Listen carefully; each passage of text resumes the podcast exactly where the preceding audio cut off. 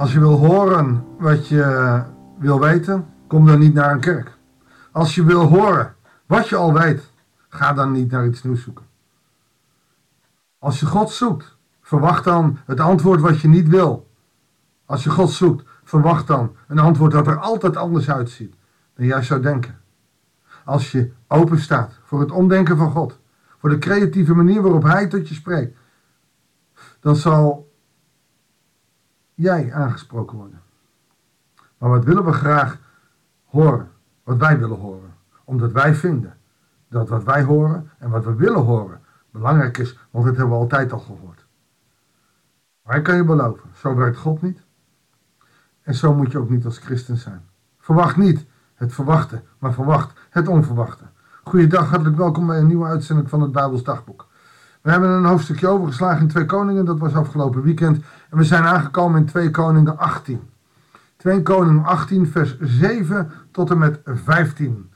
En voordat ik verder ga, even vol vreugde en enthousiasme vertellen. De nieuwe app is out. Bijbelsdagboek, zoek op je App Store of op de Apple Store.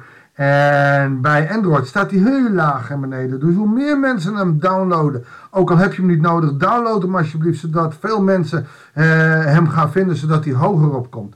Bij Apple staat hij al vrij hoog en kan je hem heel makkelijk vinden.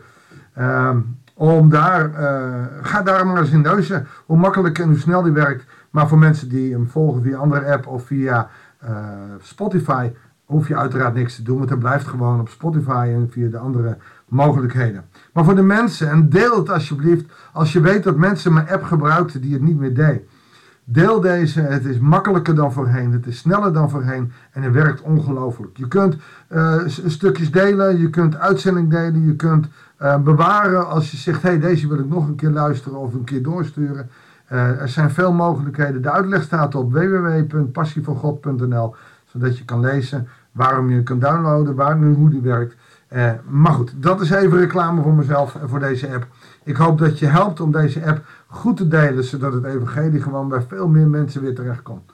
We zitten halverwege. We zaten bij 2000 luisteraars, nu bij 1000. Laten we ons als doel stellen om voor het einde van het jaar er weer 500 bij te krijgen. Niet omdat ik of jij dan zo goed zijn, maar omdat meer mensen getriggerd worden om dagelijks te luisteren naar het evangelie.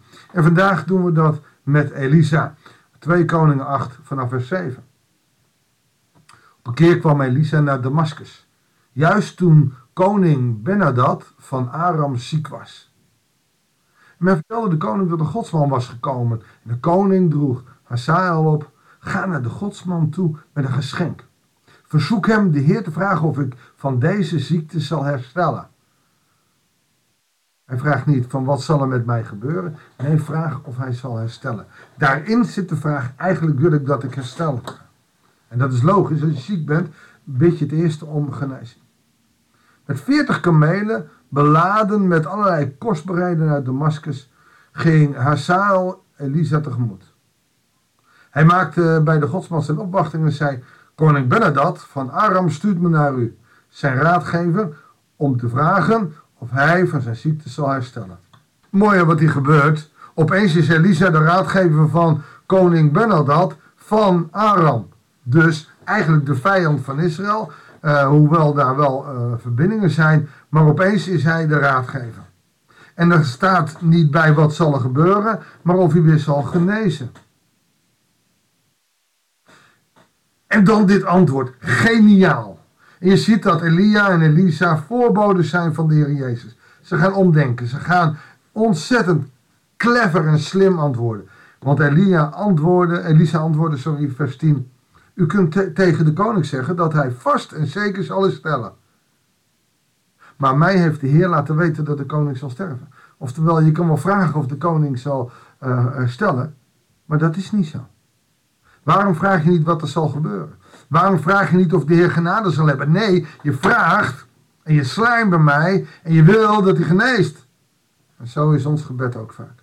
Heer, wilt u ons genezen? Waarom niet is de vraag, wat zal er met mij gebeuren? Maar nee, wij geven ook God heel vaak aan wat wij willen. Heer, wil die genezen? Wilt u mij dit doen? Wilt u dat zo doen? God is geen knechtje van ons. De boodschap die Elise heeft, de koning zal sterven. De godsman, Elisa, keek zo lange tijd strak aan en barstte toen in tranen uit. Wow, wat gebeurt hier? Elisa kijkt Hazael aan. En hij vraagt, waarom huilt hij heer? vroeg Hazael. En Elisa antwoordde, omdat ik weet welke ellende u de Israëlieten zult aandoen. Hazael is de knecht van Benadad. En nu zegt u, jij, jij zult de eh, Israëlieten heel veel ellende aandoen. U zult hun versterkte steden in as leggen. Hun jonge mannen en hun zwaar aan uw zwaar dreigen. Hun kinderen de schedel inslaan en zwangere vrouwen de buik openrijden. Dat ga jij doen, Hazael, die nu als knecht van Benadad die bent. Jij zal al gruwel zijn voor de Israëlieten. Hazael wierp tegen, maar heer, hoe zou een nietswaardige hond als ik tot zulke indrukwekkende daden in staat zijn? Valse bescheidenheid. Wat moet dit een profetie zijn geweest? Hij zal de koning opvolgen. Dat is de enige conclusie die je trekken kan. En Elisa ziet het voor zich in een visioen. En hij ziet de ellende van Israël. En het is niet eens Hazael zijn schuld. Het is Israël zijn schuld. Want hij, zij zijn niet bij God aan gaan kloppen. Zij laten God telkens weer links liggen. Maar Hazael zal de beul zijn. Maar Elisa antwoordde, de Heer heeft mij u getoond al als koning van Aram. Wat zal er door Hazael door, doorheen gegaan zijn? En ging terug naar Seer. Wat heeft Elisa gezegd, vroeg de koning. En Hazael antwoordde, hij zei me dat u vast en zeker zult herstellen. Bam! Eén dikke vette leugen, want hij weet, de koning zal sterven en ik zal hem opvolgen.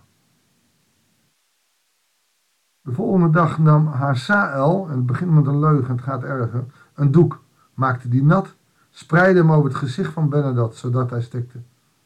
En Hazael werd in zijn plaats koning. De recht van de sterkste zal regeren.